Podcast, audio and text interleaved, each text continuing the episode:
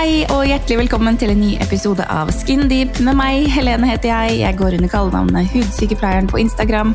Og dette er podkasten for deg som er litt over gjennomsnittet interessert i hud, velvære, beauty og alt som faller inn under de kategoriene. Hver uke tar jeg et dypdykk i et nytt tema, og jeg har med meg mange spennende gjester. Så hver fredag finner du en rykende fersk episode der du hører podkast. Så stay tuned. Hei, hei, og velkommen til en ny episode. I dag er jeg her med Therese Røssevold, som har vært her før. Hun er jo hudguru.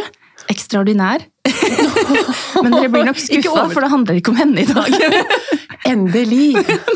I dag skal vi nemlig snu om på rollene, så jeg skal få den gledelige æren av å intervjue deg, Helene.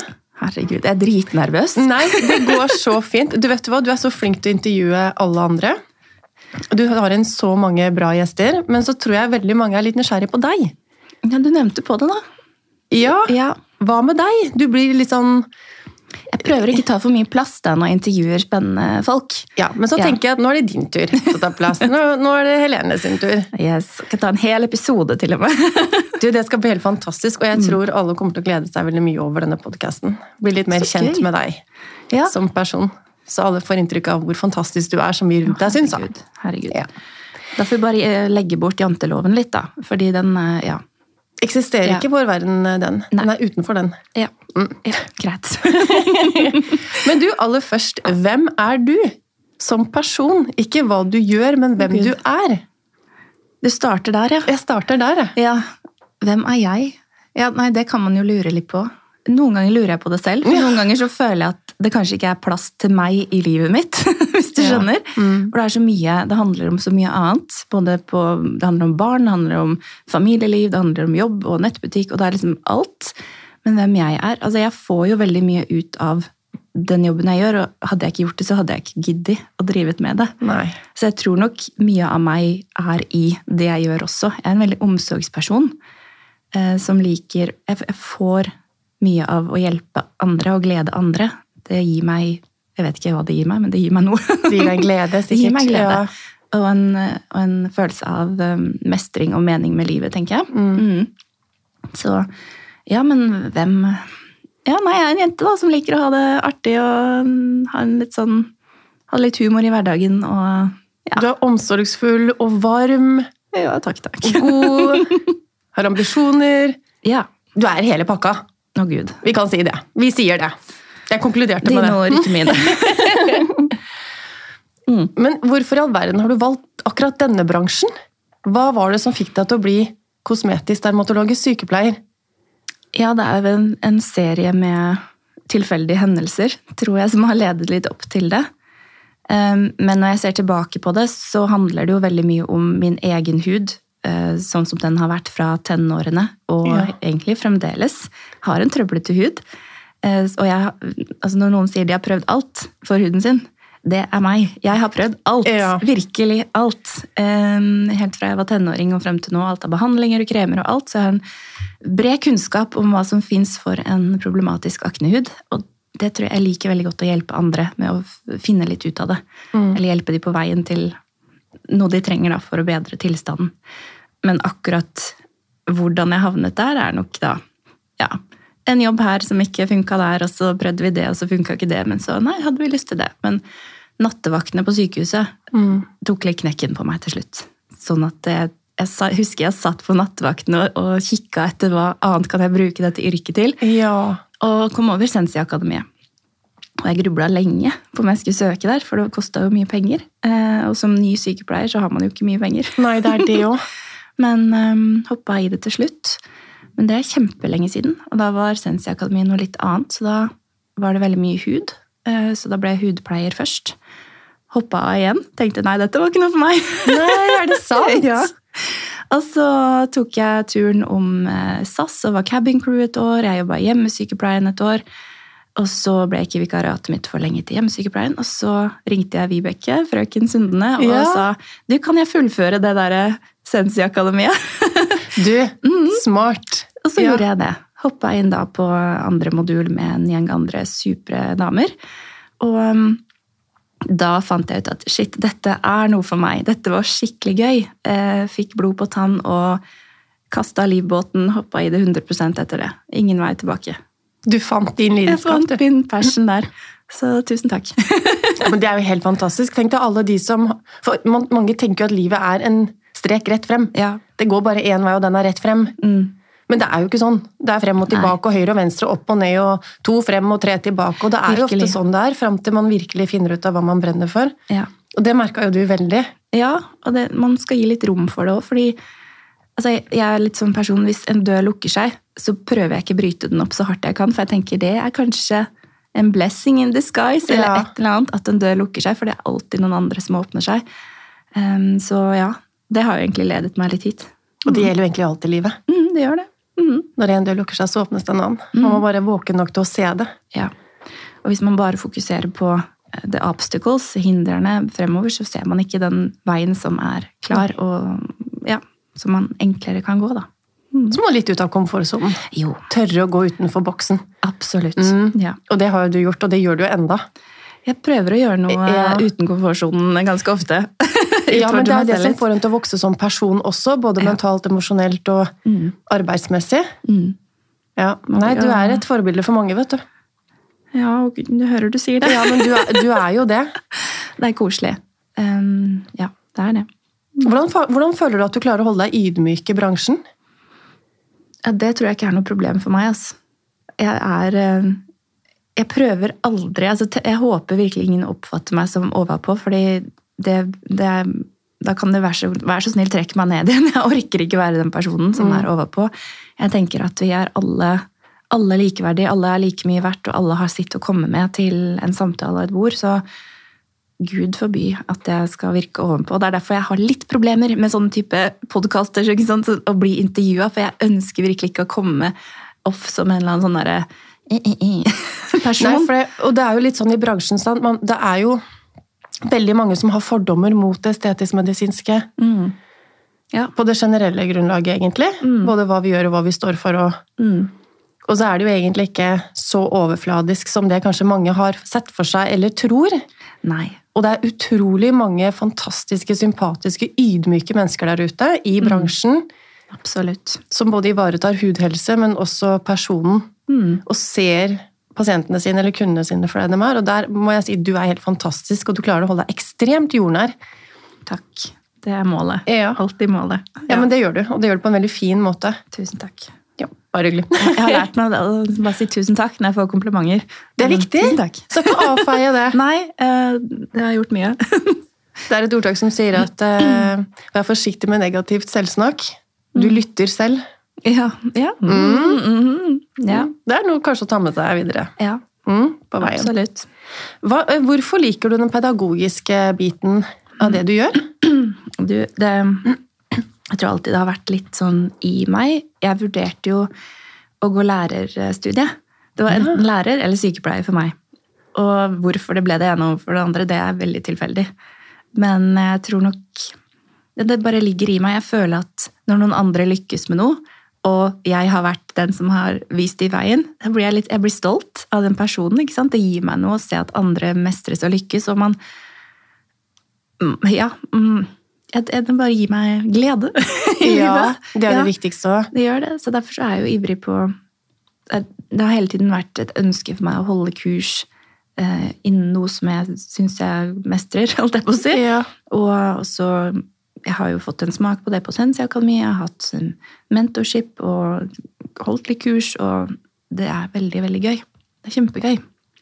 Det er jo ikke sånn at det er der penga ligger, for å si det sånn, men eh, Det er det ikke. det er det ikke. Oh, man, eh, man tjener bedre av å ha en dag på klinikk enn å holde kurs, men samtidig så det er det der at det gir meg noe annet. da. Så da og så er det jo litt sånn Noen som sa en gang at det er en litt sånn selfish side med det å lære bort noe, fordi man må virkelig kunne det selv. Man må det kunne det til punkt og prikke og ha en helhet på det.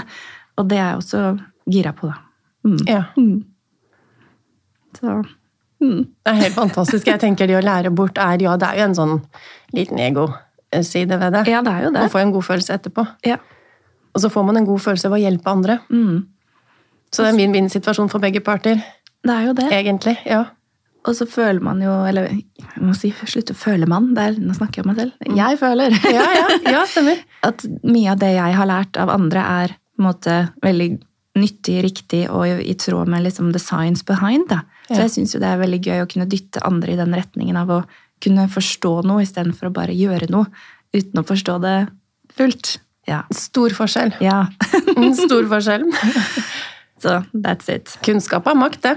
Jo da. Jo, Hvis man kan bruke det til noe positivt. Ja. Mm. Ja, ja. Mm. Ja, jeg tror det er viktig. Men du, en annen ting som Altså, hvis du kunne valgt eh, din drømmegjest i podkasten Oh. Hvem som helst. Oh. Både internasjonalt eller nasjonalt. nasjonalt. det er mange. Kan jeg ta Du kan ta flere. Ja, okay. ja, selvfølgelig. Jan Thomas. Ja! Ja! Jan Thomas er min drømmegjest, i hvert fall fra Norge. Og, um, fordi han er bare Han er så god, den, den mannen, altså. Og så mye humor, og Ja, så veldig. sympatisk. Og tenk så mye han har opplevd og Ja. i forbindelse med hud og liksom alle de åra som stylist. Og jeg har sendt han en DM, da, men han har ikke svart på den. Han, jeg tror ikke han har sett den. Ja, Thomas, hvis du hører, vær så snill. Vi alle som lytter, trenger å høre litt på deg. ja, Jeg får se om han skal ha en lansering på et eller annet snart, så kanskje jeg kan huke den inn for å Så man kan promotere det òg. Det, altså, det er jo sånn, da. Det må være en vinn-vinn for begge. Stort sett når man har gjester på besøk. Men, eh, ja. Men internasjonalt eh, Doktor Subio. Aha. Aha. Fortell. Utdyp den litt, er du snill. Altså, alle må bare gå og følge Dr. Christian Subio på Instagram. Maken til type. Har du, følger du den selv? Ja, det gjør jeg. Jeg skjønner, jeg skjønner veldig godt Han er en rebell. Ja. Han liker å se på ting faktabasert, og hva er det som er greia. Drar, ting, drar liksom gitte sannheter fra hverandre. Mm. Hvorfor er det sånn? Og makes it sense, ikke sant? Mm. Han er plastikkirurg og har alle muligheter til å kutte i folk og løfte og se på ting. og Han er superdyktig. Men han er vel også ganske kritisk. eh, Veldig kritisk. Ja. Og det liker jeg. Jeg liker litt sånn kritiske stemmer som, som tar en, en ekstra kikk på ting. Så han eh, har veldig mye jeg skulle spurt om. Jeg håper han kommer til Monaco, for da skal jeg ta tak i den og spørre. ja, det må Ja. du gjøre. Og det hadde vært så gøy. Han var der i fjor, og jeg koste meg så eh, på forelesningene hans. Men han er en person som polariserer bransjen litt. Enten så er man på team 'jeg liker Subio', eller på team 'han er en dust'. Men det blir jo fort sånn med, med folk med meninger og som gjør noe Ja. annet som ikke gjør det alle andre gjør. Ja. De blir ofte litt sånn outsidere. Enten så får de følgere, eller så Ja. Eh, går de andre veien. Ja. Men, eh, ja. Så det er en veldig veldig spennende person. Og jeg tror han er litt sånn, litt sånn quirky. Eh, litt sånn mad genius-type. Litt sånn eh, Ja. Han er så smart at han har bikka over, mener du? Riktig. Mhm. riktig. Fordi jeg husker eh, Jeg stalker han da på Instagram, for jeg som ikke skjønner det. Han hadde skrevet det Sist gang han var i Monaco, så skrev han ja, nå sitter jeg her på takterrassen og spiser middag alene. Og tenker jeg, Ja, men det tror jeg på, fordi sånn person er du. Ja. Men tenk deg så fantastisk egentlig å kunne ha, være i stand til det. Ja, det er nettopp det. Uten telefon, uten Ja. masse mennesker, bare helt for seg selv. Ja. Jeg beundrer det. Ja, En sterk personlighet. Veldig. Nei, så det er gøy. Veldig gøy. Så Mennesker som står godt i seg selv, er Ja. Ja, det er litt sånn Jeg ser veldig Utrolig opp til sånne folk, altså. Mm. Ja. Står, står veldig stødig i sine egne sko. Trenger ikke noen bekreftelse fra noen. Og, ja, det er litt sånn aspiring. Sånn ønsker jeg å bli òg. Jeg er nok litt for gira på bekreftelse på, at, på forskjellige ting Ja. fremdeles, siden jeg er såpass ny i dette faget. Sånn egentlig. Men samtidig så er man aldri ferdig utlært innen Nei. bransjen her heller. Nei, det er man ikke. Så på noen ting så er man kjempebra, og så må man være stolt av det man kan. Og så på den andre siden så tenker man ok, men jeg har mer å lære. Ja. Det kommer noe nytt hele tiden. Jeg sammenligner meg alltid med de som jeg ser på som best. Ja. Og da blir jeg aldri god nok. Så det er jo en litt sånn curse. um, Men også det, det, det holder meg på tærne. Men så kan det være at andre ser på deg med samme syn. At de ser på deg som så bra. De ikke føler seg Skjønner du? Jo, jo. Jo. Så- Jo, men det er jo ofte sånn at Ja. de man ser veldig opp til, eh, kanskje sitter med samme tanker tilbake. Ja. Men så er det litt vanskelig å se, for man tenker hæ, men jeg er jo ikke verdt det, eller jeg fortjener jo ikke det, eller jeg er jo ikke noe spesielt, eller Nei. Men så er det kanskje ikke hva du gjør med hvem du er, Ja. som gjør at det blir spesielt. Så er det det derre um, Hva heter det der igjen? Du får sånn derre etter. Og nei og nei, nå har jeg glemt det. Jeg får komme tilbake til det. Men du får en sånn følelse av at eh, å, tenk om jeg ikke kan dette godt nok. Det kalles noe imposter syndrome. Ja. Tikk, tikk, tikk, bom. Der var det. Den kryper på skulderen hver dag. Men den kryper på de fleste, tror jeg. Ja, Spesielt oss kvinner. ja det kan hende. Ja. Skal være best i alt. Ja. Beste kjæresten, beste mammaen, beste partneren, beste dama, beste ditt og beste datt. Jeg også, tenker det er godt nok, tenker jeg. Jo da, absolutt. Det er nok også mer den der frykten for at å, men tenk om jeg ikke kan nok om dette til å lære det bort. Tenk om jeg liksom, Ja. Tenk om det ikke er bra nok! Men du, apropos det, har du noen gang eh, følt Har du blitt usikker eller kjent Når du har gjort en behandling, i etterkant av behandlingen, har du noen gang kjent på at å, oh, gjorde jeg det riktig nå? Har jeg gjort noe feil? Jeg har ringt For... deg noen ganger, da. Jo, jo, jo. Men vi samarbeider jo, det er jo helt fantastisk. Men, Ja. men kjent, har du kjent at det har gått og plaget deg i noen dager? Altså du går og tenker på det og tenker oi. Ja, For det er jo en del konsekvenser med de behandlingene som utføres også. Jeg kan fortelle om den, eh, den verste hendelsen jeg har hatt. Og den skjedde bare noen få uker inn i min karriere. Oi. Mm, På gamle Vivo-klinikken. Da fikk jeg inn en eh, pasient som eh, som jeg tenkte at dette var en fin kandidat for å gjøre en kjemisk pil på. Ja. Ja. Jeg hadde så feil. Jeg tok så feil. Det 30 sekunder inn i pilen, så huden begynte å vokse. Det kom vabler opp av Oi, huden. oi. Skikkelig utikaria-reaksjon. Mm. Og jeg får jo lettere panikk. Jeg klarer jo heldigvis å skjule det, fordi det er jeg veldig god på. det er fra nyfødt intensiv. Men, ehm, men skyller av den pilen, får på en kald maske og bare puster litt, og håper at for guds skyld kan den huden ha roa seg når jeg tar av den maska. Og pasienten har jo vondt, du syns jo det er ubehagelig, Selvfølgelig. selvfølgelig. Mm.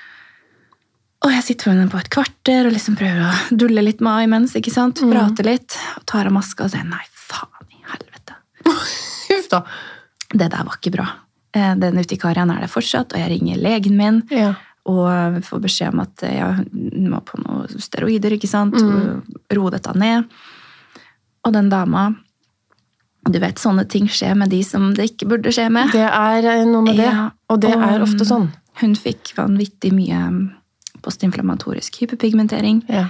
som hun gikk med i minst et år. Og jeg og klinikken måtte da gi henne eh, produkter for å dempe dette, holde det i sjakk. Mm. Ikke minst holde henne litt fornøyd. Altså gjøre noe da, for Ja. å kompensere for dette. For dette var helt og holdent min feil. Helt og holdent. Mm. Dette var ikke bra. Men tro meg, når jeg gjør en feil, så skal jeg lære av det. Jeg skal gå gjennom det igjen og igjen, se på hva var det som gjorde feil, hvorfor skjedde dette, hva kan jeg gjøre annerledes. Og jeg tenker Hvis man gjør det, så er det greit å gjøre feil, hvis man kan lære av det og ikke gjøre det igjen. Absolutt. Og det å, å kjenne på en hud og se Nå har jeg sett tusenvis av huder, nå vet jeg akkurat hvilken pil som de ikke skal ha, Mm. og hva de kan få. Og det er en, en stor kompetanse som man faktisk må erfare. Det er, ikke noe, det er ikke så lett å lære seg. Man må bare få en følelse på det. Ja. Men uh, ikke bruk så veldig aggressive pilinger, da, folkens. På første gang. Og skal man det, så sørg for at hudbarrieren er intakt først. Det er nettopp det. For det er den sjelden. Ja. Selv om det kan se sånn ut. ja. Men det var virkelig... Så man blir fort lurt, altså. Ja, virkelig. Og, men det, den, den har jeg jo gått og tenkt på nesten hver dag i et år, ikke sant? For Ja. hun dama, stakkars, hun eh, Ja. Hun måtte jo ha kontinuerlig hjelp og oppfølging. Ah, Gud.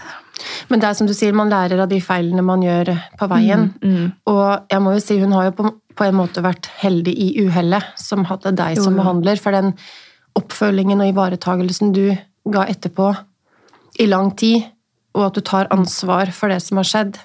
Det fins jo flere som ikke gjør det. Jo. Og Som det- kanskje blir redde og flykter fra situasjonen. da. Ja. Så det er jo noe med å stå i det når man først Og det er litt derfor man, hvert fall jeg kaller mine for pasienter, fordi det kommer med en pakke av ivaretakelse da, og Det- ansvar. Jeg kan ikke kalle det kunder, for det er ikke en transaksjon. Det er en pakke. Og jeg er ansvarlig. Jeg er helsepersonell. Ikke sant? Så det er jo Ja. det bildet på det, da. Og det skulle jeg ønske alle hadde. Fordi alle har en potensielt mulighet for å gjøre noen til en pasient også, med tingene vi holder på med. ikke sant? Så kall de det fra starten av, så ja. Man håndterer de på en litt annen måte. Mm. Ja, virkelig. Og behandlingene, ikke minst. Mm. Så tenker dere ansiktet. Ja. Uff. Men det er jo altså, Tilbake til spørsmålet. Man har jo selvfølgelig pasienter man kanskje har fått en okklusjon på, Ja. eller begynnende okklusjon, som man må ta tilbake for å sjekke. Eh, gjort en eller annen feil med en Botox eh, en eller annen gang. ikke sant? Jeg husker jeg satt på bestevenninna mi på Sensi-akademiet og lagde brynstose på begge Oi øya. sann! Hun har aldri kommet tilbake! Åh, det var første gang jeg satt det, og det gikk åt skogen. Men eh, jeg har lært av det òg, gitt. Jo, men en gang var den første. Ja, ja. Og vi feiler, hva var det vi sa for noe sist gang? Vi feiler så lenge vi lever. Lever. Vi feiler så lenge vi lever. Og da lærer vi etter hvert òg. ja, riktig. riktig. Ja. Så jeg tror, jeg tror det Man skal bare egentlig være litt sånn Ja, jeg har gjort Jeg har lagd noen komplikasjoner. Jeg har lært av det. Fordi jeg vil helst gå til de enn å gå til noen som sier jeg har aldri hatt en eneste komplikasjon. For enten så lyver de, eller så har de ikke gjort nok behandlinger. Det er én av to. Ja. Altså det. Jeg tenker Med erfaring så ligger det feil bak. Du ser jo det på alle typer behandlinger innenfor medisin generelt. Altså, Jo, jo, herregud. du kan ha den beste av de beste, og det kan skje feil. Mm. I båndlinja så er vi bare mennesker. Ja. Hvordan er en vanlig arbeidsdag for deg? Hvordan ser en vanlig arbeidsdag ut for deg? Å gud. Det er jo veldig variabelt, men eh, det starter jo ofte med altså, Etter at barna er skippa av gårde på skole og barnehage. så Litt sånn Fedex, vær så god. Vær så god. Ha det. Mamma skal på jobb. Ja. Så er det hjem og pakke varer. Eh, Nettbutikkvarer. Ja. Mm, send, kjøre de på postkontoret. Kjøre ned til klinikken. Være der x antall timer. Um, når klinikk er ferdig kommer, altså jeg, Noen ganger jobber jeg til fire, andre ganger til ti om kvelden. Det kommer litt an på. Uh, etter det komme hjem, legge barna. Ja. Eller lage mat først, legge barna. Og så er det svare på henvendelser. Være litt kreativ på sosiale medier og pakke litt mer varer. Når sover Eller- du? Nei, det er, det er altfor lite. Det er derfor jeg måtte ha kaffe nå, før vi gikk i gang med dette. ja. Ja. Og det er forferdelig dumt å holde på sånn i lengden, for jeg kjenner at man blir sliten av det. ja. Så jeg må stoppe meg sjøl litt, rett og slett. Pass på så ikke du løper på veggen. Ja, jeg, tror, jeg håper man vet litt før veggen kommer, fordi da kan jeg stoppe da. Ja, Det er ikke alltid det kommer tegn, Nei. men stort sett så kommer det sånne Ja. små, subtile signaler Subtile underveis. signaler, ja. Mm. Nei, det blir mye jobb, og jobb tar veldig mye tid, og det er jo klart Man snakker om den her familiebalansen, ikke sant? Ja. Og, altså det, det har ikke vært en balanse. Det er ikke fair balanse. Det er det ikke. Det er veldig mye jobb. Men vet du hva? Det, for meg så er det det som har krevdes for å komme hit jeg er nå. Mm. Og jeg er sånn som får litt blod på tann. Jeg har ikke lyst til å gi meg nå. Jeg har ikke lyst til å roe det ned, så bare jobbe smartere og ikke mer, tenker jeg. Lurt. Fremover. Fremover. Mm, men jeg må nok på sikt kutte ut et eller annet jeg holder på med, fordi ja, nettbutikk, podkast, klinikk, kursholder Å, gud. Ja, alle reiser og konferanser og messer og alt man skal få med seg. og Det er mye. Det er mye. Men reiser, vet du hva, det er en del av lønna for meg, altså. Men du, det blir mitt neste spørsmål. Altså, De reisene du er på, eh, konferanser og messer og sånn Mm. det er, jeg, jeg tror det kan være at folk ofte misforstår at det er mer ferie Mm. enn faktisk læring. Ja. Hva føler du selv? Føler du at det er litt kombinasjon, eller føler du at det er mest læring og litt lite fritid, eller Mm. får du kombinert litt, eller? Så for min del blir det en kombinasjon, helt ærlig. Det blir jo Det ser jo veldig sånn glamorøst ut og ut og reise og tjoho, eh, men jeg hadde jo ikke reist dit hvis ikke jeg kom dit for å lære noe. Det, det er jo båndlinja, er jo for å lære noe nytt. For, altså, vi betaler jo gjerne 10 000 kroner for et konferansepass. Ja. Der skal jeg være noen timer for å få litt tilbake for det. Noe jeg kan ta med meg hjem i klinikken, noe jeg kan lære noe av. Men det er jo også nydelig, da. Å ja, sove alene så lenge man vil. Uten å ha en toåring som sparker meg i ryggen hele natta. Habba Ha bade for seg selv, og ha hadde med varmekabler. Det har jeg ikke nå. Bor ja, kan ta det seinere. og bare ja, kunne ta seg en, et glass vin med venner og snakke om bransjen. For det er Med jo voksne mennesker. Med voksne folk. Mm. Det er så nydelig. Så selvfølgelig, det er en kombinasjon. Og jeg skulle ikke vært foruten. For det gir jo veldig mye. En, du får både den kunnskapen eller kunnskapspåfyllet som man trenger i bransjen. Som sagt, utvikler seg hele tiden. Du får møte mange andre i bransjen, både nasjonale og internasjonale typ stjerner, men også kanskje ukjente små gullgruver. Man vet aldri. Samtidig så får du den balansen med at du kan endelig sove litt lenger. Ingen barn som er sultne og tørste. 'Mamma, se på meg nå!' Du får muligheten til å være litt deg. Mm. Tilbake til sånn man Som du spurte litt om, hvem man er man på innsiden? Jo, man er en sånn free spirit som bare har lyst til å være seg selv noen ganger, og bare seg selv. Ja. Og det får jeg være på disse reisene. Så Ja, og så får du utviklet deg selv, og du får utfylt en del, og Mm. lade batteriene litt på en helt annen måte. Selv om det er jo veldig anstrengende på sånne konferanser. Altså, det er full Gud, konsentrasjon, jo- og det er mye man skal få med seg. det er jo ofte fra klokka ni på morgenen til klokka sju på kvelden. Det er jo det. Jo, det, det er jo natta liksom, på kvelden. Et glass vin så er man trøtt, men samtidig. Det er kjempegøy. Ja. Ja. Så kommer de hjem med Hva er det de sier for noe? At eh, å reise er sjelens mat, eller noe? ja, Mm. Det er ikke dumt. Det, litt, det ligger litt i det, altså. Det. Få det der avbrekket fra den typiske hverdagen. Mm. Det gir veldig mye. Altså, så jeg, jeg syns selv jeg er veldig heldig som har muligheten til å gjøre det. fordi hvis du tenker på en behovspyramide, så er dette med selvrealisering og utvikling det er jo virkelig på toppen av en pyramide. Ja. Over alle de grunnleggende behovene. Så hvor heldig er man ikke som har muligheten til det? Det er jo helt vanvittig. Apropos det, du høres jo veldig takknemlig ut. Hva er de, hva er de fem mest takknemlige tingene? Altså, nei, vent litt nå, vi snur på den. Nevn fem ting du er mest takknemlig for, både jobb og privat. Fem av hver, eller til sammen? Ta til sammen, men Ja. finner du ekstra, så er det bare bonus. Nei, altså Først og fremst selvfølgelig familie. Ja. Ja, det er jo pri én. Um, jeg er takknemlig for helse. God helse. Ikke sant? At man kan fungere og er frisk. Veldig takknemlig for um, venner og supporting-team rundt, ikke sant? Eh, Som alle man møter og som, som heier. Inkludert egentlig pasienter som kommer til meg. Ja. Business, ikke sant? Uten dem er jeg ingenting. Hvem er jeg da? Ingen. Du blir som kjendiser og fans. Uff. Jo, jo, men det blir jo litt samme Jo, jo. sak. Man er jo ingenting uten Man er ingenting. Nei. Virkelig, Hadde ingen kommet til meg, så hadde jeg ikke sittet her i dag heller. Det er jo, ja, Alle som lytter, alle som gidder å engasjere seg. Og nei Ja. Var det fire? tegn til. Kaffe. Du er takknemlig for kaffe. ja, men det er de små tingene. Man må sette litt pris på de små tingene. Ja. Ja. ja. Du har i hvert fall veldig gode verdier. Det har du. Det skal sies. Koffein. um, jeg tenker litt sånn Det blir jo ofte oppfattet som at bransjen vår driver litt sånn utseendepress og kroppspress. ja. Em, hva er dine tanker rundt at du kanskje kan bidra til å skape et kroppspress eller utseendepress Mm. hos mennesker, eller hos folk eh, som kanskje ser på innleggene dine eller podkastene dine, eller hva, hva tenker du om det? Oh, her er vi inne på et minefelt. Mhm. Ja. Men janteloven skulle vi legge fra oss. Ja, Mm. vi gjør det. Altså Ja. Jeg hadde, jeg hadde en mor som kom inn i DM-en min her en dag, og så sa hun vet du hva, min 14 år gamle datter, se på profilen din. Her står du og snakker om Botox. Ok. Um, og den tok jeg faktisk litt til meg. Tenkte at ja, det er sant. Det, her står jeg også og forklarer hva Botox gjør. Um, jeg prøver aldri å markedsføre det, men jeg prøver å forklare, på en måte, for det er mange som lurer. Men ja, selvfølgelig, noen kan se det. Men, og jeg ønsker jo virkelig ikke å bygge opp under noe kroppspress, eller få noen til å føle at dette må jeg gjøre. Snarere tvert imot. Um, Men det er også Vi holder på i en legitim bransje som selger varer og tjenester som vi må få lov til å prate om på en eller annen måte.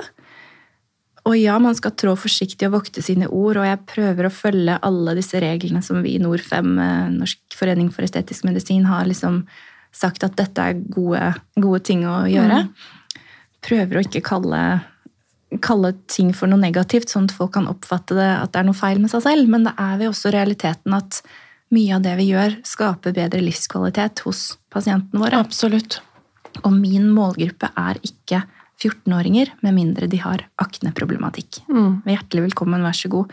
Men jeg tror også at det å vokse opp i en verden i dag, det krever at man man blir eksponert for veldig mange forskjellige ting, og man må faktisk kunne navigere litt og se på eller få hjelp av foreldrene sine til å navigere, fordi det er en del av oppdragelsen. Hva er det som er relevant for deg, hva er det som ikke er det? Prøv å se bort ifra det som ikke passer deg. Mm. Um, man kan ikke gå i strupen på alle som uh, forklarer hva Botox og filler er, fordi det, er, det, kommer alltid til å være der. Lær heller barna hva, hva er dette, og hvorfor trenger ikke de det? Mm. Ja. Det er en veldig vanskelig situasjon, egentlig, for Mm. alle i bransjen. For på den ene siden så ønsker folk mer kunnskap. Mm. Det er mange som ikke vet forskjell på filler og Botox. mange som ikke vet forskjell på makroneedling og kjemisk pil også. Ja. faktisk. Så skal man gå ut og forklare de forskjellige tingene, og så er ikke det bra nok, for hva med de yngre? Mm. Og så er det kanskje noen som er veldig imot. så- Man kan ikke tilfredsstille alle og alles behov hele tiden. Nei, det går Ingen ikke. liker samme sang.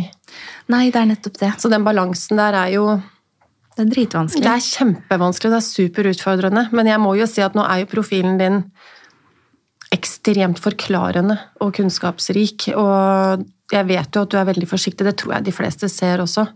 Jeg håper det. Samtidig så skjønner man jo foreldrene også, eh, for det er jo et ekstremt eh, kroppspress eh, på de unge i dag.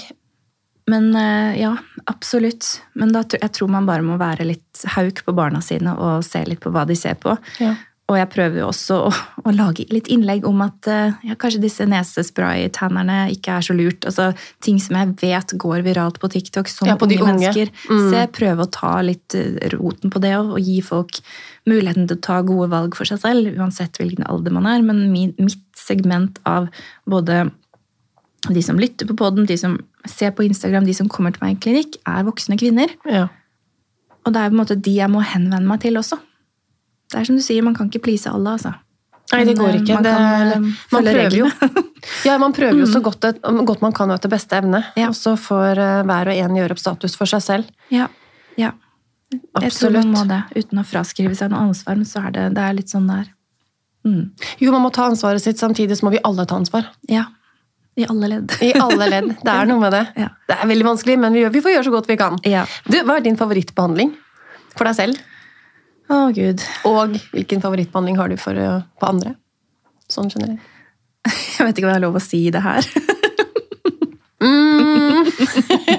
Skal vi skippe det spørsmålet, Neida. kanskje? Nei, altså den behandlingen, hudbehandlingen jeg liker best, er mikronidling. Ja. Den eh, gjør jeg dessverre ikke så ofte som jeg burde, men det er av tid. Ja. Men den jeg gjør mest for meg selv, er å forhindre um, linjedannelse. Sier det sånn. Eh, På ulike måter. På andre så er det Jeg gjør veldig mye mikronidling, altså. I kombinasjon med kjemisk pil og mesoterapi. Det blir ofte sånn kombinasjon med Mm. skreddersydd til den enkelte. Mm. Det er det du trives med. Ja, men samtidig så elsker jeg injeksjonsbehandlinger. Jeg skulle veldig gjerne gjort masse, masse, masse av det hver eneste dag. Men igjen, det er vanskelig å markedsføre. Det er vanskelig å på en måte få kunder som ønsker det av, av seg selv, holdt jeg på å si. Det er Ja. ofte en sånn um, Man kan kanskje foreslå det for noen etter hvert hvis de spør om konkrete råd og tips, men det er ikke det, er ikke det de får tilbud om hvis de ikke spør om det selv. Og så tror jeg det er litt vanskelig å kunne tilby det også, for jeg tror veldig mange går rundt og ser for seg ducklips og litt Ja, sånn ja, ja. kinnben. Altså, Ja. Og så er det jo ikke sånn det er i det hele tatt. Nei, det er ikke det. Det er ikke det. Men jeg, jeg syns det er litt vanskelig å ta det opp med folk, rett og slett. Fordi Mm. Nettopp tilbake til det at jeg ønsker ikke ilegge noen et problem de ikke har vært eh, aware på. Og skape usikkerhet. Nettopp. Mm. nettopp. Men det er jo ikke Det er stor forskjell på å gå inn og endre på utseendet og vedlikeholde det. Jo, jo. Det er det. Sant? det, er det. Så det er veldig mange som tenker veldig svart-hvitt. Mm. Nei, har du gjort det, så har du endret på utseendet ditt. Og så tenker du mm, nei, Nei, halv milliliter med filler gjør ikke det. det gjør ikke det. Men det kan være med på å opprettholde Ja. Forebygge og Absolutt. Mm. Så, ja. Med, ja. Det var den kunnskapen da, som er vanskelig å videreformidle, mm. Ja, det er det. sånn som det er nå. Det er det. Eh, Men du, har du et idol innenfor bransjen? Å ja. Det Eller kanskje, kanskje det var flere? Det er nok kanskje flere, men jeg har alltid sett opp til Julie Horne. Ja. Herregud, for ei dame. Ja. Hun er jo rå.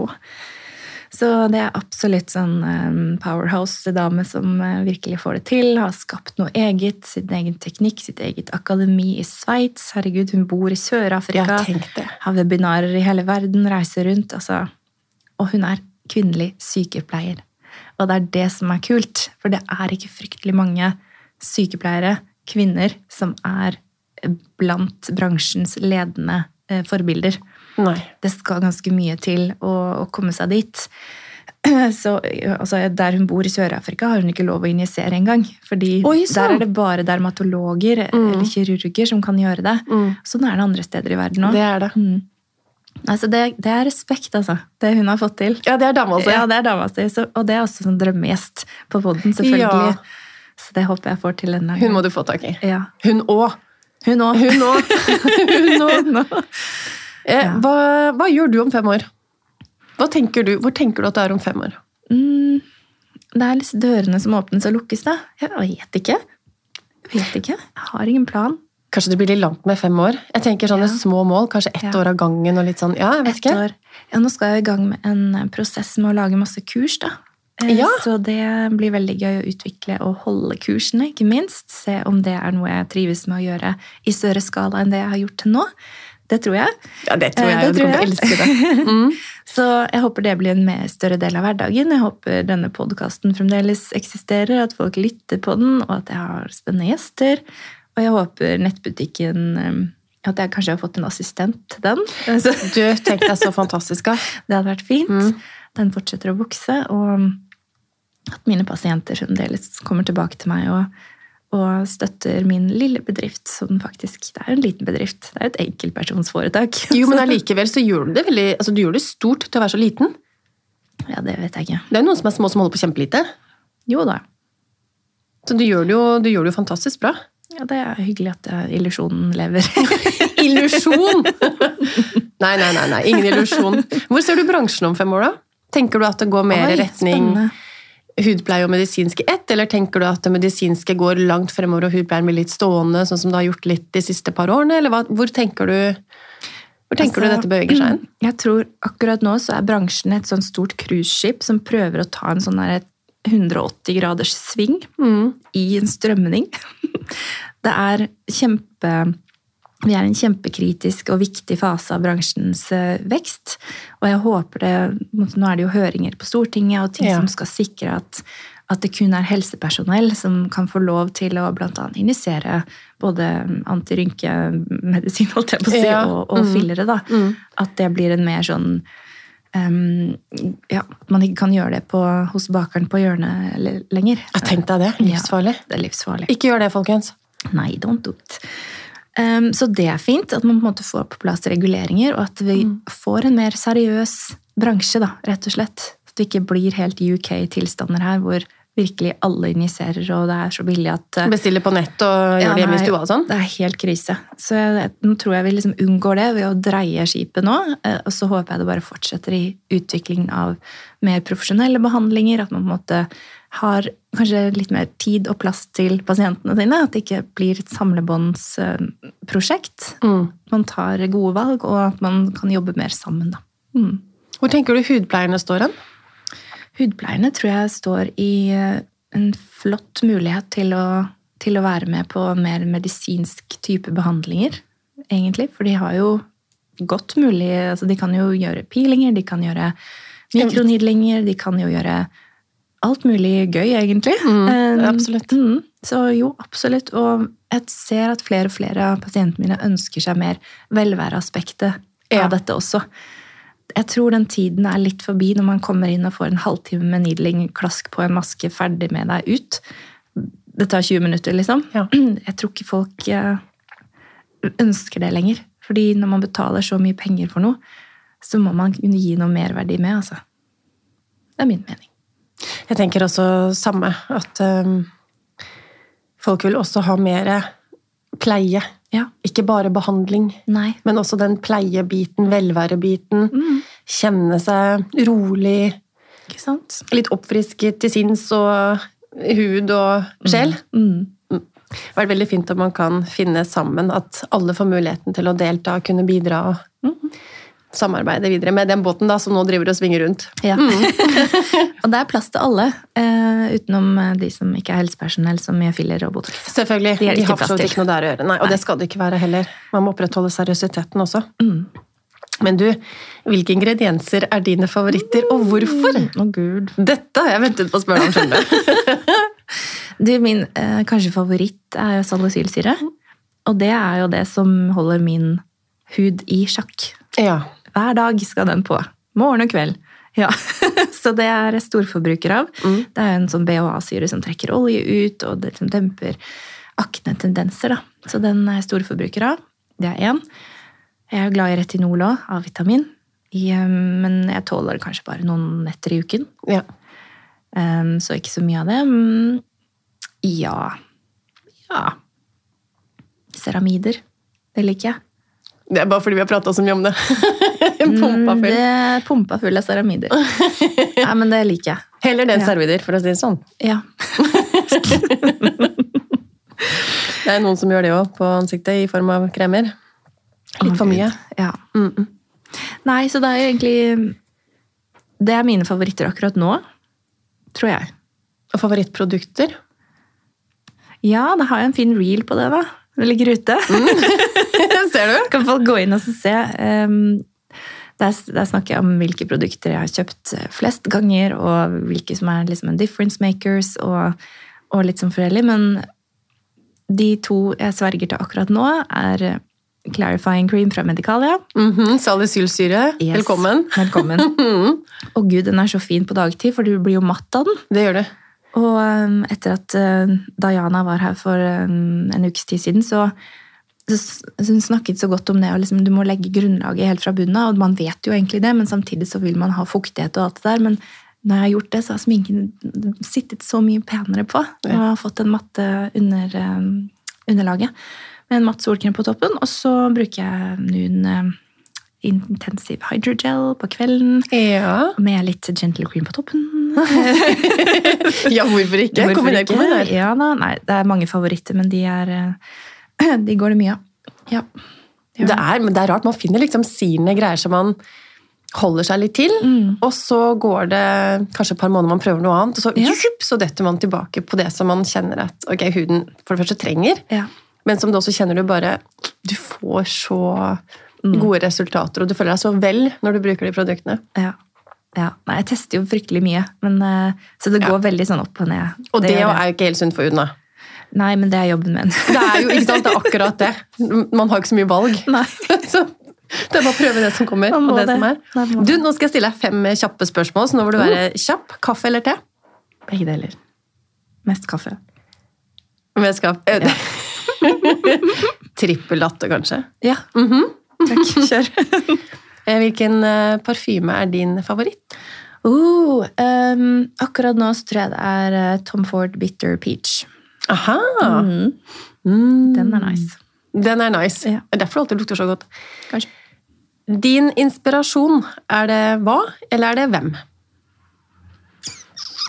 Um, Jækla godt spørsmål.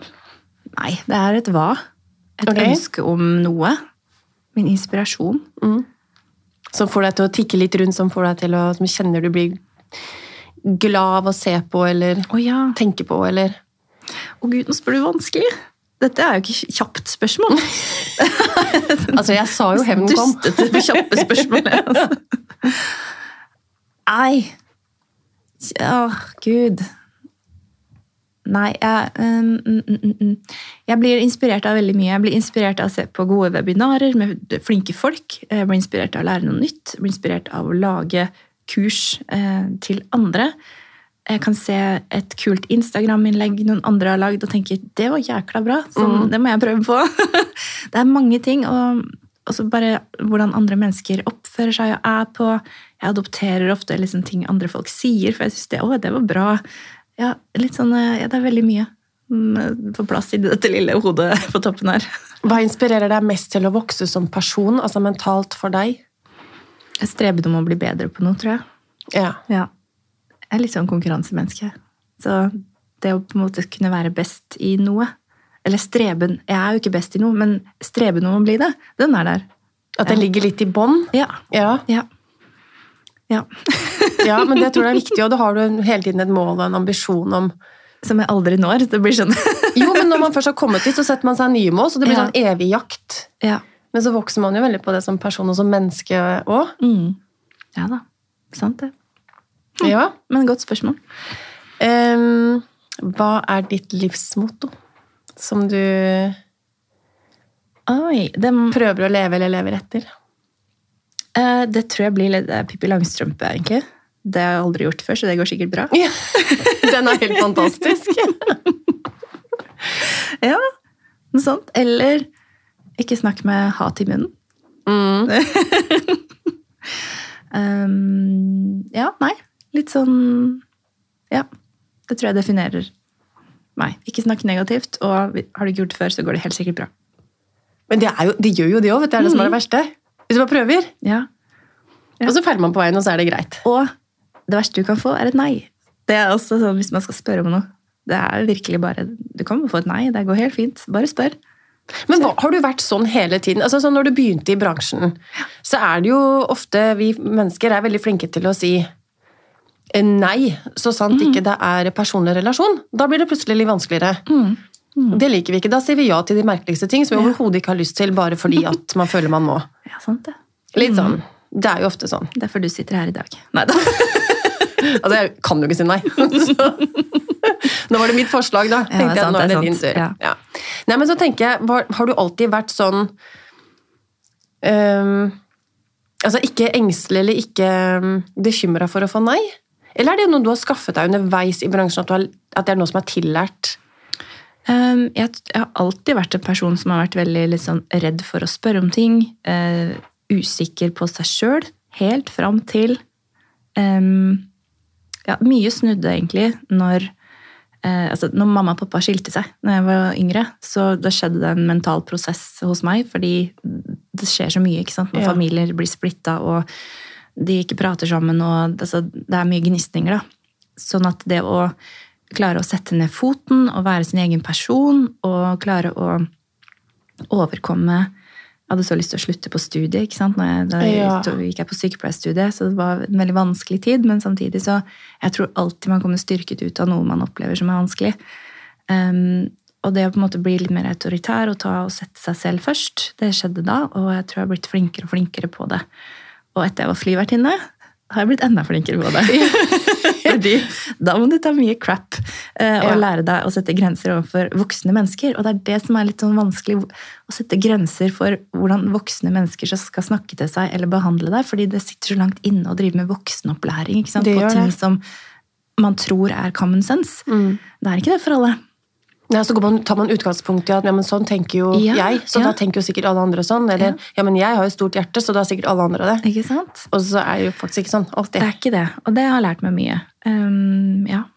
Så, men det har utviklet seg. Det har Ja. Og mye mindre redd for å spørre om noe nå enn det jeg var før. Så det er veldig deilig, egentlig. Så det kommer litt både med altså en, både med dårlige erfaringer, men også gode erfaringer. Mm. Og litt med alder, at man kjenner at man står Ja. bedre og bedre i seg selv ja, egentlig. for hvert år. Kanskje egentlig litt. Grann. Ja. 30-åra er jo gode på det, holdt jeg på å si. Da lærer man å gi litt mer faen i alt Ja. som ikke er viktig. Hvilke råd har du til f.eks. noen i 20-årene både om eh, å ivareta seg selv og egen hudhelse og helse generelt, og i form av um, håndtering av kroppspress og janteloven? Å, Å, gud. Skulle ikke stilt et litt bredere spørsmål. Nei, men altså, Vi har en halvtime til, så jeg bare kjør på. Ja, hør, her, hør her, Men ta det så enkelt som mulig. Altså, hvis, hva, hva, hva ville du fortalt deg selv eh, i 20-årene, da? Jo, du, da ville jeg fortalt meg selv at, um, at Kanskje litt med det her at man trenger ikke bry seg om hva andre syns. Fordi ofte så er folk veldig opptatt med sine egne ting, at de egentlig ikke tenker på deg i det hele tatt. Det er så sant. ja, så ikke bry seg så mye om hva folk kanskje eller kanskje ikke tenker, og heller gjøre greia si. Mm. Fordi folk er også mye mer eh, tiltrukket til mennesker som sant, står støtt i seg selv, som vet hva de står for og mener. Og, eh, og dette med utstråling og karisma har så mye mer å si enn kanskje et fysisk utseende. Da. Sånn at eh, Jeg var jo veldig opptatt av liksom huden min, og jeg hadde så mye kviser og tenkte at uff, så fæl jeg er. ikke sant? Alt det der. Og så blir det bare svart spiral. Så- det blir svart spiral, Helt Mm. riktig. Men, ehm, men de folkene som liker deg for den du er, de driter jo i det. Virkelig. Så det er må må tro litt på det, da. At, eh, ja. Det er ikke så relevant for andre som det er for en selv. Nei. Mm. Og janteloven den er, den er på vei bort, og det ser man jo på TikTok. Det er lov å være noen, det er lov å tro på seg selv, det er lov å bjuda på. Det liker jeg veldig godt, altså. Og jeg fortsetter med det. Bjud på. Bare Man trenger ikke gå på Onlyfans, liksom. Man kan finne en fin mellomting på bjuda på og bjuda på. Det er jo Altså Med OnlyFans så tar det litt av, kanskje. Det- ja. Litt mye bjuda på. Ja, litt mye bjuda på. Stol på din indre moralske kompass. For det har vi. Et moralsk kompass. Og hvis du føler at noen du henger med, eller som tar kontakt med deg, tweaker på hva du syns er greit og ikke, så må man si nei. Eller Ja, det har, det har jeg ikke så lyst til. Det er lov å si. Eller man kan bare si jeg vet ikke om det er helt retningen min å gå i dag. Det er mange måter Ja. å kunne si nei på. Det er det. Så, jeg, det, det ser ut som den yngre generasjonen Altså, takk Gud for det. Mm. Som du sier, ikke har den janteloven kanskje så mye fokus som når vi vokste opp. Mm. Skulle ikke tro det var noe, det kunne du bare glemme. ja. Det sitter jo i. Og det er veldig synd, for at eh, alle er noe på sin Mm. egen unike måte. Virkelig. Jeg skjønner ikke hvor tullet jeg kom fra. Jeg tror man, kan, man har noe å lære av alle mennesker. Absolutt alle. Alle har noe å komme med. Enten så går man på en feil med et menneske eller en situasjon eller en arbeidsplass, eller hva nå enn, men det er læring i det også. Det er det. Så ja. Hva ville du sagt til ditt eh, ja, Nå er du fremdeles i 30-årene, da, men hva ville du sagt nå hvis du var 30? altså Ut ifra de erfaringene du har fått på deg de årene nå i tillegg. Er det noe du ville anbefalt deg selv? Om å gjøre, kanskje Ja. ikke gjøre? Hvis, kanskje hvis man, hvis man tror på det nok, og man virkelig vil nok, så får man det til. Faktisk. Uansett hva det er. Man kan klare det, hvis man bare jobber hardt nok. Ja, man kan. Ja. Fordi man tenker så ofte på alt som kan gå galt, og så så lite på hva som Ja, men tenk om det går bra? Hva skjer da? så det tror jeg holder veldig mange igjen, da. Liksom tørre å investere litt penger i en drøm man har, og prøve å utvikle det, for det kan gå jævlig bra. Ikke sant? Og hvis det går åt skogen, så ja, erfaring rikere, da. Ja.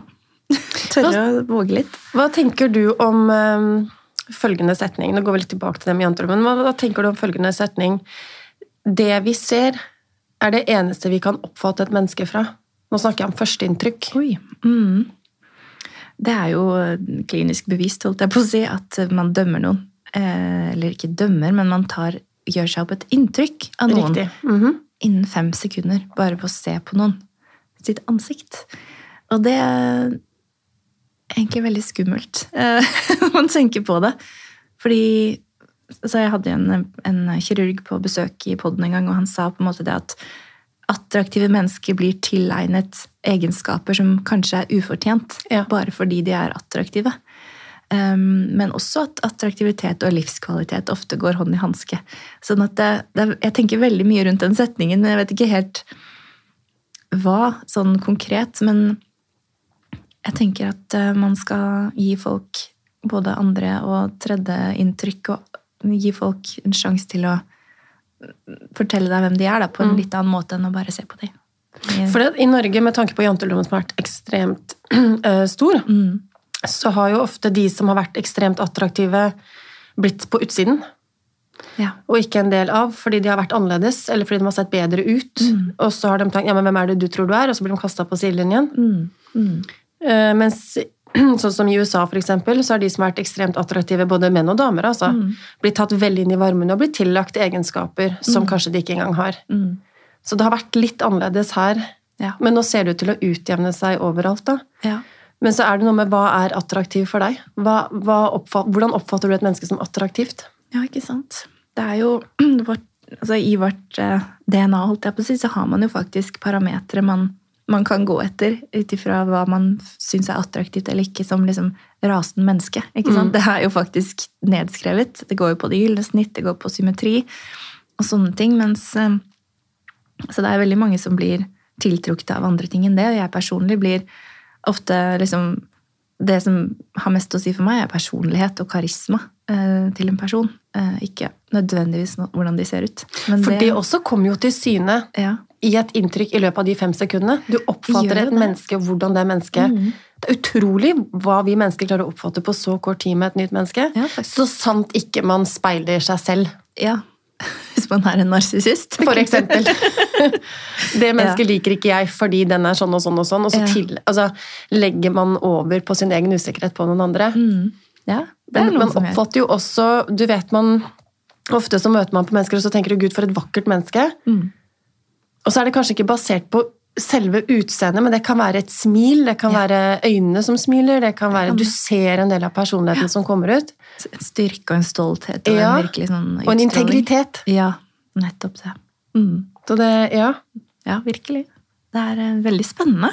Sånn kroppsspråk og alt sånt. Ja, det er, og det er jo Vi jobber jo med det, særlig spesielt du som jobber med så mange pasienter daglig. Mm. Blir, du, blir, du, glad i pasientene dine? Kjenner du sånn ordentlig sånn hjertevarme for dem? Ja. Ja, du gjør det?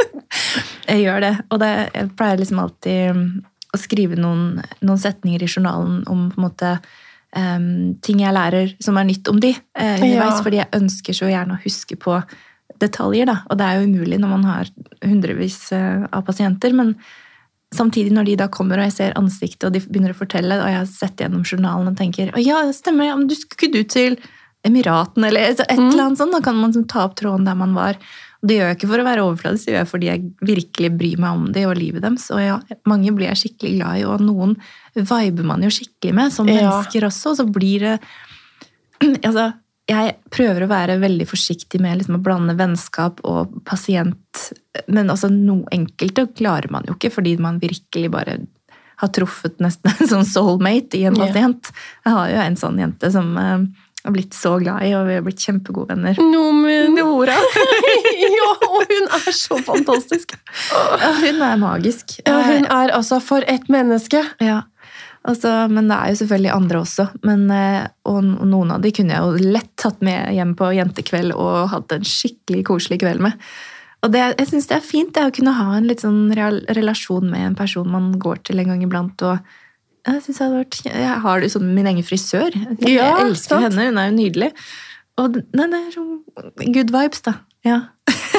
man må, man må, samle seg rundt flere sånne mennesker. Ja. Finne sin stamme. Altså, det er mye, the vibe in the tribe. Det er det. Og mm. man finner de ofte i voksen alder, føler jeg. For da er det mye ja. enklere å, å, tune inn på en frekvens.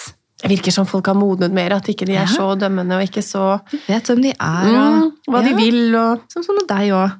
Sånn du er jo helt amazing. Altså, du har jo møtt Ikke snu på det her nå. Jo, nå, hva føler du, Therese? Nei, nei, nei. Ja, det er, nei, det har hatt flere sånne encounters det siste året med folk som jeg bare har blitt sinnssykt glad i på kort tid, og som virkelig er my tribe. da. Og som du merker er genuine. Ja. Hvor fantastisk er ikke det? Jo, nei, det er, det er livets gave. Ja, men det er det. Og det er sånne, det, de og sånne situasjoner, og alt må man ta med seg. Mm ja, ta med seg videre. Du, Jeg har ett siste spørsmål som jeg tror kanskje er ønsket av eh, flere, faktisk. Mm. Hva kan du komme med av råd, både mental, eh, psykisk råd, men også behandling, hudbehandlende råd, til en tenåring mm. med akneproblematikk? Mm. Um, ja. Jeg tror det beste rådet må være å få en profesjonell konsultasjon, om det er hos en hudpleier, om det er hos en hudsykepleier eller hudlege, mm. så tror jeg det kan være et fint sted å starte, fordi man må prøve å gjøre at aknen ikke utvikler seg til å bli altså, Om den er arrdannende, da. Det er jo på en måte det som er farlig, for har man en arrdannende akne, så så skader du huden din for resten av livet hvis det får liksom blomstre og ulme kjempelenge. Så prøv å liksom shut it down. ikke sant? Så du anbefaler liksom ikke Nivea på Nei, nei.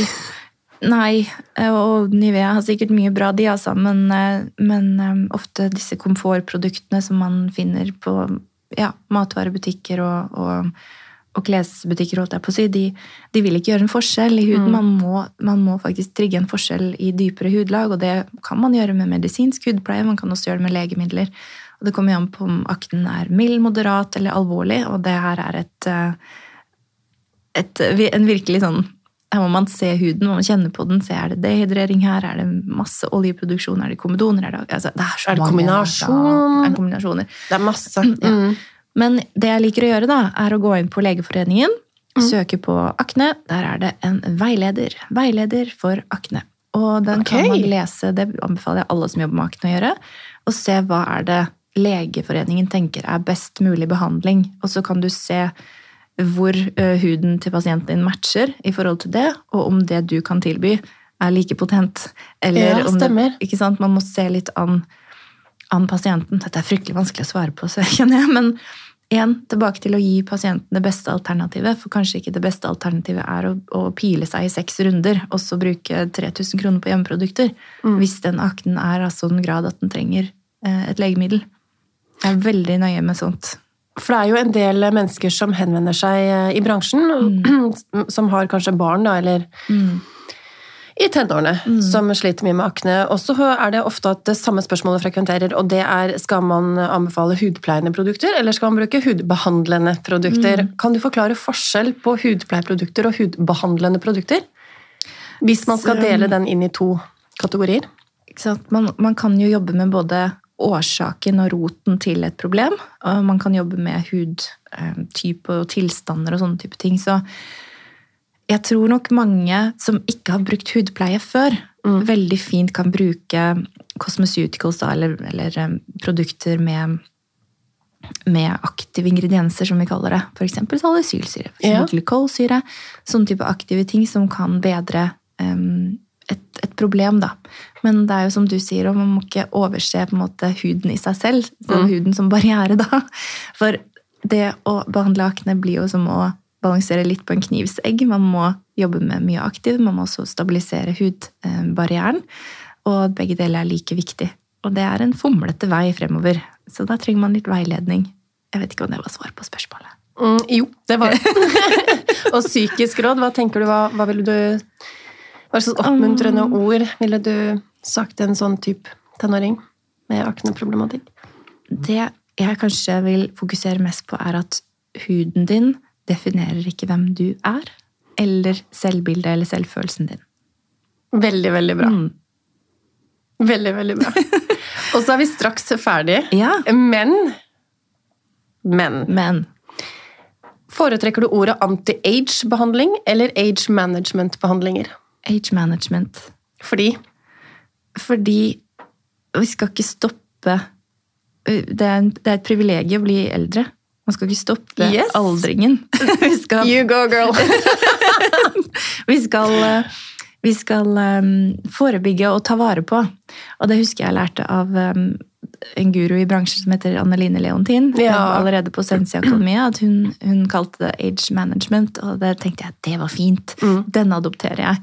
Og det har jo hele bransjen gjort. Etter, ja. altså hun er jo en levende legende. Så hun, hun, har jo satt standarden for at age management er tingen vi skal kalle det.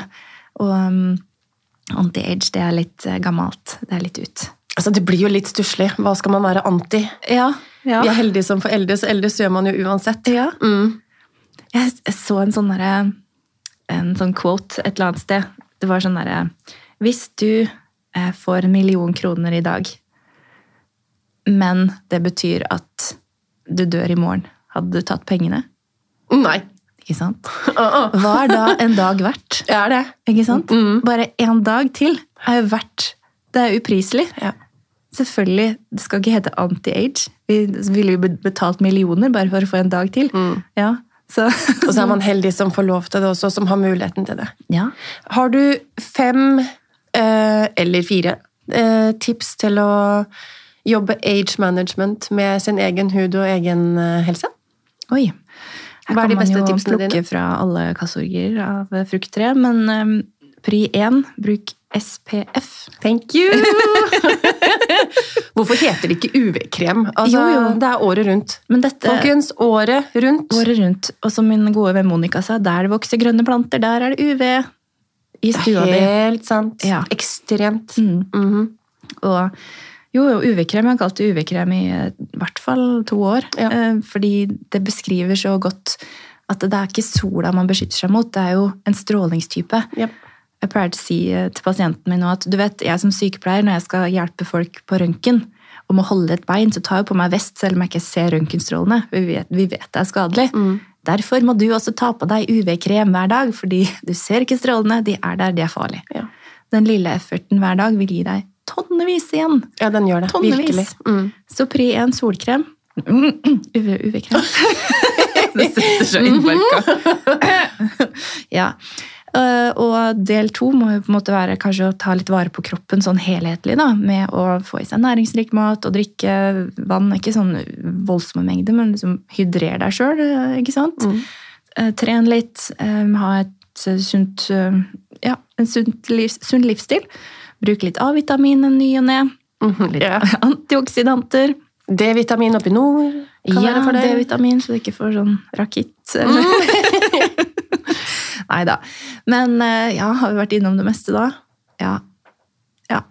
Det, liksom, det her med faktisk å gjøre invasiv behandling kommer ganske langt ned på lista. Altså. Mm. Det er så mye annet du kan gjøre først. Jeg tenker litt av alt. Litt av Balanse. alt. Ja. Ja.